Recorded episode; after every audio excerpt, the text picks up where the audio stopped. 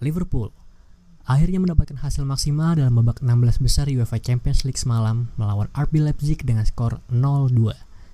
Tapi, apakah secara permainan juga sudah maksimal? Dengerin terus podcast ini.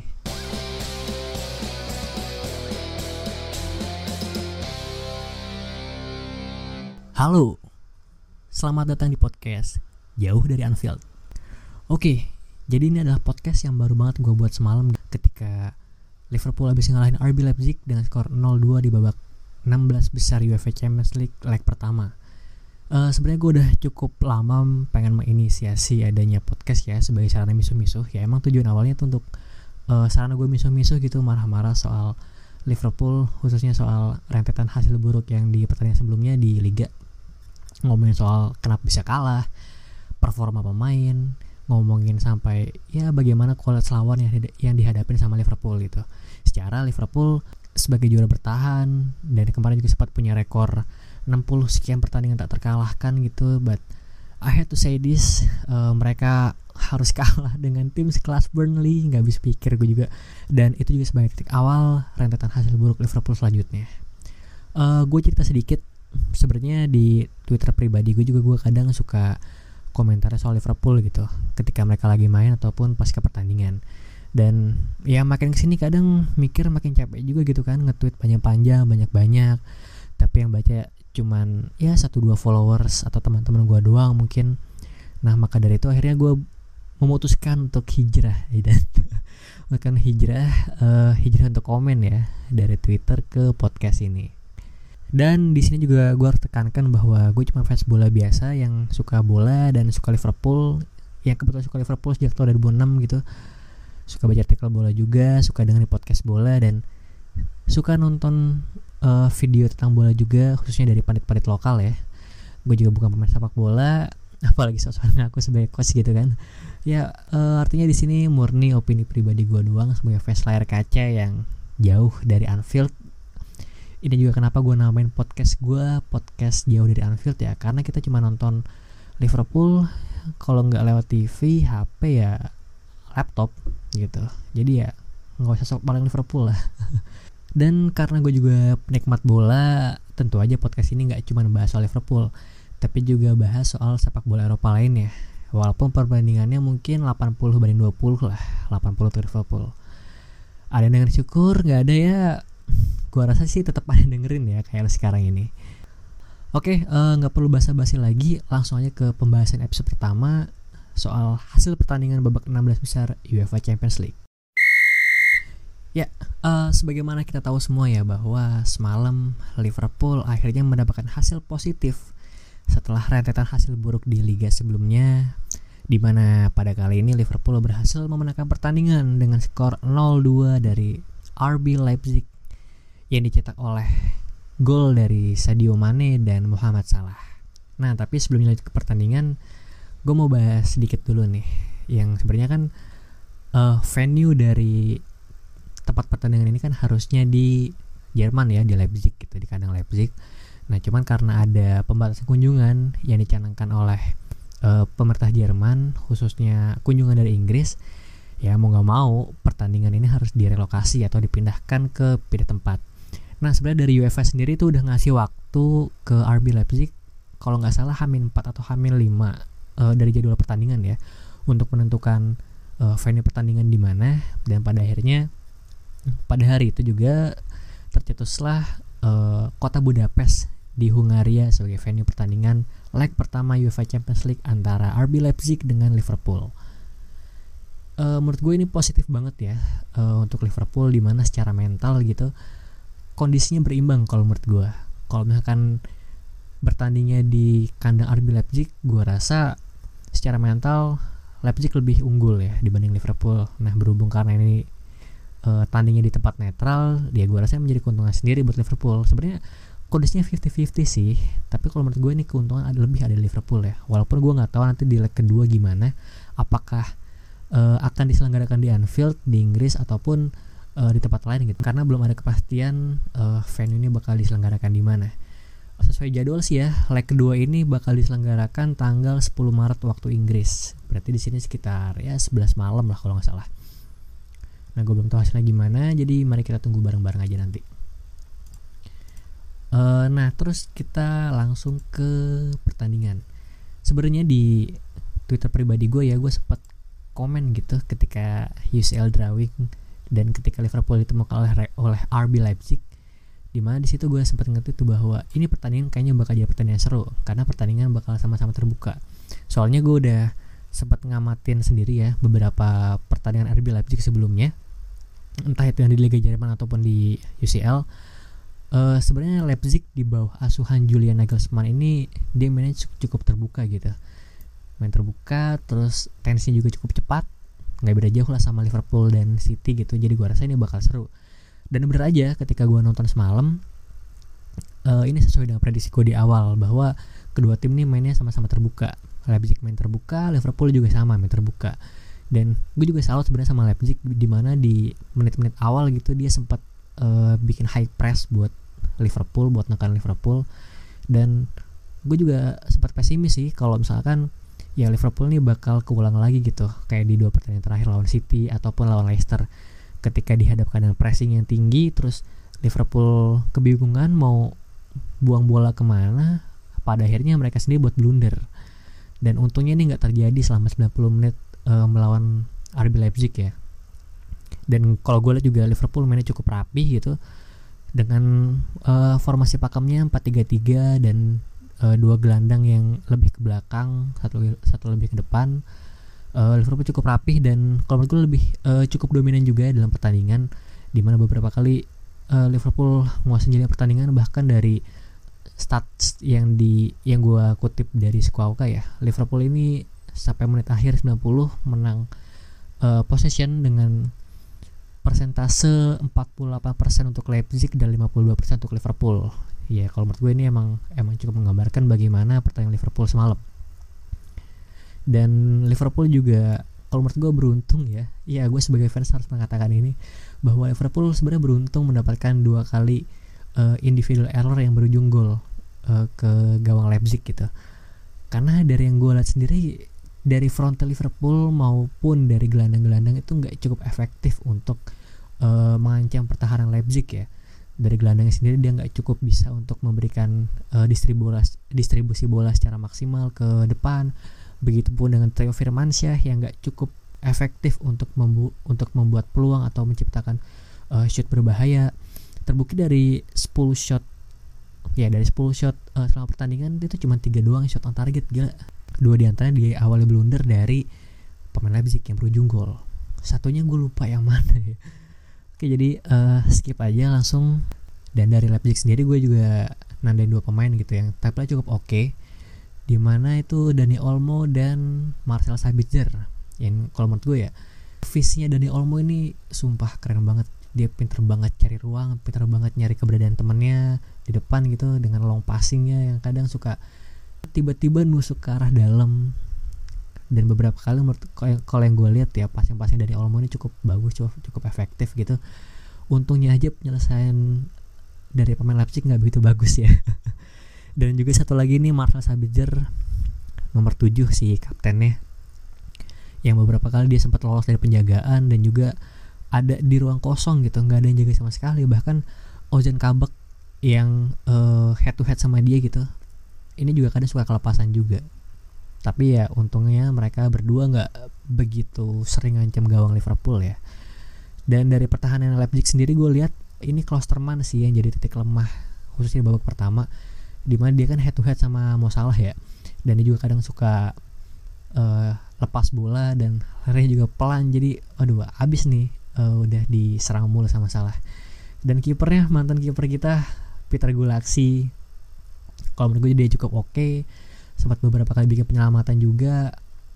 Uh, dan semenjak dilepas Liverpool terus dia gabung ke Leipzig kalau menurut gue dia salah, salah satu kiper di Eropa yang cukup baik ya cuman di Liverpool emang teman-teman seangkatannya aja yang udah nggak ada. Kayak Connor Cowdy yang udah jadi kapten di Wolverhampton terus ada Suso uh, Sterling yang udah pada pindah terus ada Morgan sama Tiesil yang gue udah tahu udah nggak tahu pada ke mana.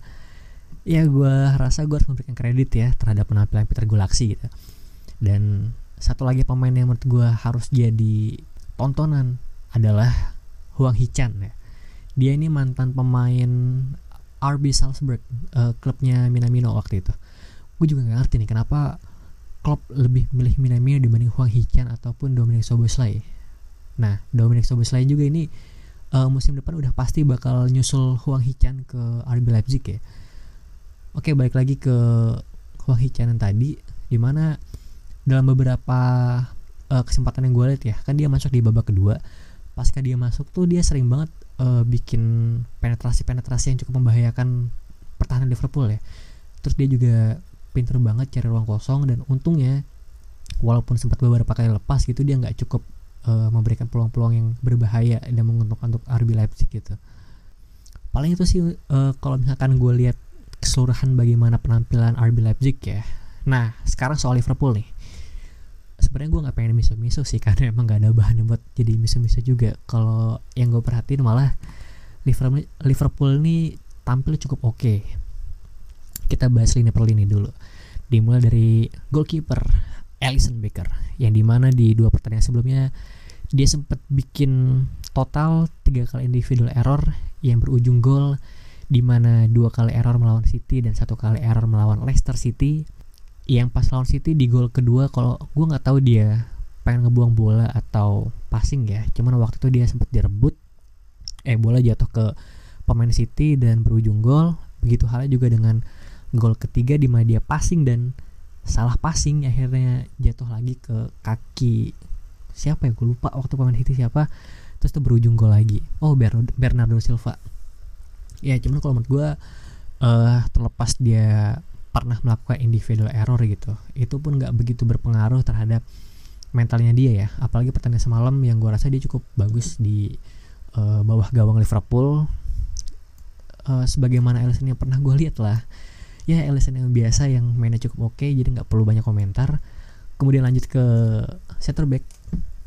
Nah center back ini sebenarnya gue udah nggak begitu berharap uh, dengan dipasangnya Henderson sebagai center back ya karena gue ya mencoba realistis bahwa Henderson ini kan sebenarnya posisi aslinya sebagai gelandang ya bukan bukan center back jadi kalau gue lihat ya dari atribut bertahan dia nggak cukup oke okay gitu dari tacklingnya dari duel udara bahkan dari duel one on one lawan lawan pemain lawan juga nggak nggak cukup oke okay. tapi satu hal yang harus gue apresiasi terhadap Henderson ketika dia dipasang sebagai center back adalah kemampuan dia dalam dalam mengkoordinir dan mengorganisasi uh, pertahanan Liverpool ya. Gue rasa ini bekal yang dia punya juga sebagai gelandang. Jadi uh, entah lebih mudah dalam mengkoordinir pemain juga atau gimana cuman kehadiran Henderson di lini belakang ini cukup membantu Liverpool dalam mengkoordinir dalam mengkoordinir uh, pertahanan. Dan gue juga harus mengapresiasi bahwa positioningnya Henderson ini cukup bagus banget. Beberapa kali dia sempat intercept uh, passing-passing lawan malah kalau mau kalau yang gue perhatiin ya ini dia cukup stabil di dua hal ini aja sih. Di uh, positioning dan kemampuan dia mengkoordinasi uh, lini bertahan. Sedangkan bagaimana dengan Ozan Kabak ya ini kalau menurut gue dia cukup mengejutkan ya. Ini gue bacain dulu stats dari Squawka di mana Ozan Kabak ini dia uh, berhasil memenangkan duel tujuh kali tackle empat kali intercept tiga kali dan dua kali clearance dan dia juga sempat dan dia juga dinobatkan sebagai pemain terbaik uh, Liverpool kalau nggak salah ya yeah, tapi kalau lo gue lihat dia emang cukup bagus malam uh, dari atribut bertahan juga dia cukup oke okay. dia beberapa kali sempat intercept uh, tackling dia juga oke okay. uh, gue rasa dia kurangnya cuman di taktikal aja dan itu pun ketolong sama Henderson ya untungnya dan dari duel udara juga dia nggak cukup tinggi uh, dia cuma 185 atau 187 gitu kalau nggak salah. Tapi kalau menurut gue walaupun dia mainnya gerasak gerusuk dia cukup oke okay dan punya prospek yang cerah sih. Secara umurnya dia masih 20 tahun masih punya masa depan yang cerah masih bisa diasah. Dan gue berharap juga Liverpool uh, bakal mempermanenkan dia ya dari Schalke. Karena dia cukup potensial. Dan kalau gue bandingin Ozan Kabak ini mirip siapa ya? Kayak mirip Skertel mungkin. Skertel uh, Vidic Sergio Ramos cuman dia versi halusnya aja nggak sekasar mereka. Dan dia pun emang tipikal uh, ball winning defender ya kalau yang gue lihat ya. Lebih ke back back pet, back back petarung gitu. Lebih gimana caranya dia harus memenangkan bola dari lawan. Dan kita masuk ke gelandang. Nah seperti yang gue sebutkan di awal ya sebenarnya perannya Wijnaldum dan Thiago ini kalau yang gue lihat semalam itu dia lebih ke belakang mainnya. Sedangkan Curtis Jones yang didorong lebih ke depan. Itu kenapa ya? Sebenarnya Wijnaldum sama Thiago ini nggak begitu kelihatan mainnya. Karena dia lebih ke uh, menstabilkan lini tengah. Dan gue rasa itu cukup efektif cukup berhasil gitu dari pertandingan semalam ya. Thiago walaupun akhirnya diganti tapi ya sebelum sebelumnya gue rasa dia cukup oke okay buat ngebantu Wijnaldum dan kadang juga dia ngebantu Curtis, Curtis Jones buat uh, ngalirin bola ke depan Wijnaldum ini emang gak begitu kelihatan. Tapi kalau menurut gue ya dia emang tipikal pemain underrated sih. Jadi eh, nggak uh, cukup banyak dibahas cuman tanpa dia gue rasa itu berasa banget ketika ada serangan dari Leipzig gitu. Arah Liverpool nggak ada yang ngebendung dan Wijnaldum cukup berhasil melakukan peran itu semalam ya. Dan bagaimana dengan Curtis Jones? Ya sebagaimana yang kita tahu ya dan gue juga sepakat dengan komentar fans Liverpool lainnya di Twitter gitu di mana Jones ini kebanyakan dribbling terus decision makingnya jelek uh, menghambat distribusi bola dari belakang ke depan. Ya emang tuh bener emang bener. Gue sepakat semua itu gue sepakat dengan semua itu tapi ya di sisi lain gue juga apresiasi bahwa uh, ada perkembangan dari diri Curtis George ini. Di mana kalau misalkan lu lihat di pertandingan sebelumnya gitu George ini kan sebenarnya males banget buat ngejar bola sama, uh, terus dari segi duel juga dia nggak begitu kuat. Nah dari pertandingan semalam ini gue rasa dua hal itu cukup udah diperbaiki sama Curtis Jones ya. Dia cukup berani ngejar bola terus dari duel juga kadang dia sempat menang juga walaupun lawannya 2 sampai tiga pemain gitu. Walaupun emang dalam tugasnya untuk mendistribusikan bola ke front three ini nggak cukup maksimal. Ya gue sepakat dengan itu. Tapi gue rasa uh, Jones ini masih muda dan masih bisa berkembang. Ya semoga sih uh, ke depannya dia bisa main lebih baik lagi ya nah terus gimana soal front three kita? Trio Firmansyah Muhammad Salah Firmino dan Sadio Mane. Gue harus mengatakan bahwa sebenarnya tiga orang ini udah nggak begitu efektif lagi kalau kan kita bandingkan dengan dua atau tiga musim ke belakang lah ya. Permainan mereka udah nggak begitu fluid udah uh, cukup menurun dari segi efektivitas dan dari kerjasama juga cukup menurun. Dan kalau gue lihat malah gol-gol yang dihasilkan Liverpool selama ini tuh murni dari kualitas pemain tiga pemain depan ini dari Salah, Mane dan Firmino. Tapi kalau dari sisi kerjasama itu agak kurang. Firmino uh, sebagai false nine yang peran agak ke belakang, kalau menurut gue semalam cukup efektif ya untuk menarik pemain belakang uh, eh, RB Leipzig untuk agak maju dan salah sama mana itu memaksimalkan ruang kosong yang ditinggalkan oleh para pemain belakang Leipzig ini dan itu beberapa beberapa kali terjadi walaupun pada akhirnya itu nggak nggak begitu menimbulkan peluang ataupun berujung gol ya. Ya itu sangat disayangkan sih. Emang cukup menurun uh, selama musim ini dari trio Firmansyah ini. Gue nggak tahu match ke depan bakal kayak gimana cuman kalau misalkan dengan lihat hasil match malam nih lawan RB Leipzig gue rasa Liverpool udah banyak evaluasi dan kayak sih bakal bisa lebih baik lagi ke depannya. Nah terus ada satu hal lagi yang harus gue apresiasi terkait penampilan Liverpool secara tim ya. Di mana kalau misalkan kita lihat ke dua pertandingan sebelumnya gitu ketika lawan City lawan Leicester Liverpool konsistennya cuma 45 menit sampai 55 menit pertama doang. Setelahnya udah mulai turun. Nah kalau misalkan gue lihat dari pertandingan semalam ya mereka ini udah main cukup konsisten sehingga sampai menit 75-80 lah. Menit 80 ke sampai selesai itu udah mulai turun dari sisi serangan tapi gue juga harus mengapresiasi bahwa mereka ini mainnya cukup disiplin. Disiplin nggak begitu banyak error yang mereka lakukan ya satu dua kali salah pas yang ada lah emang. Cuman nggak begitu membahayakan pertahanan Liverpool atau sampai mengubah skema permainan Liverpool ya. Apalagi itu yang yang bisa uh, gue lihat dari match malam.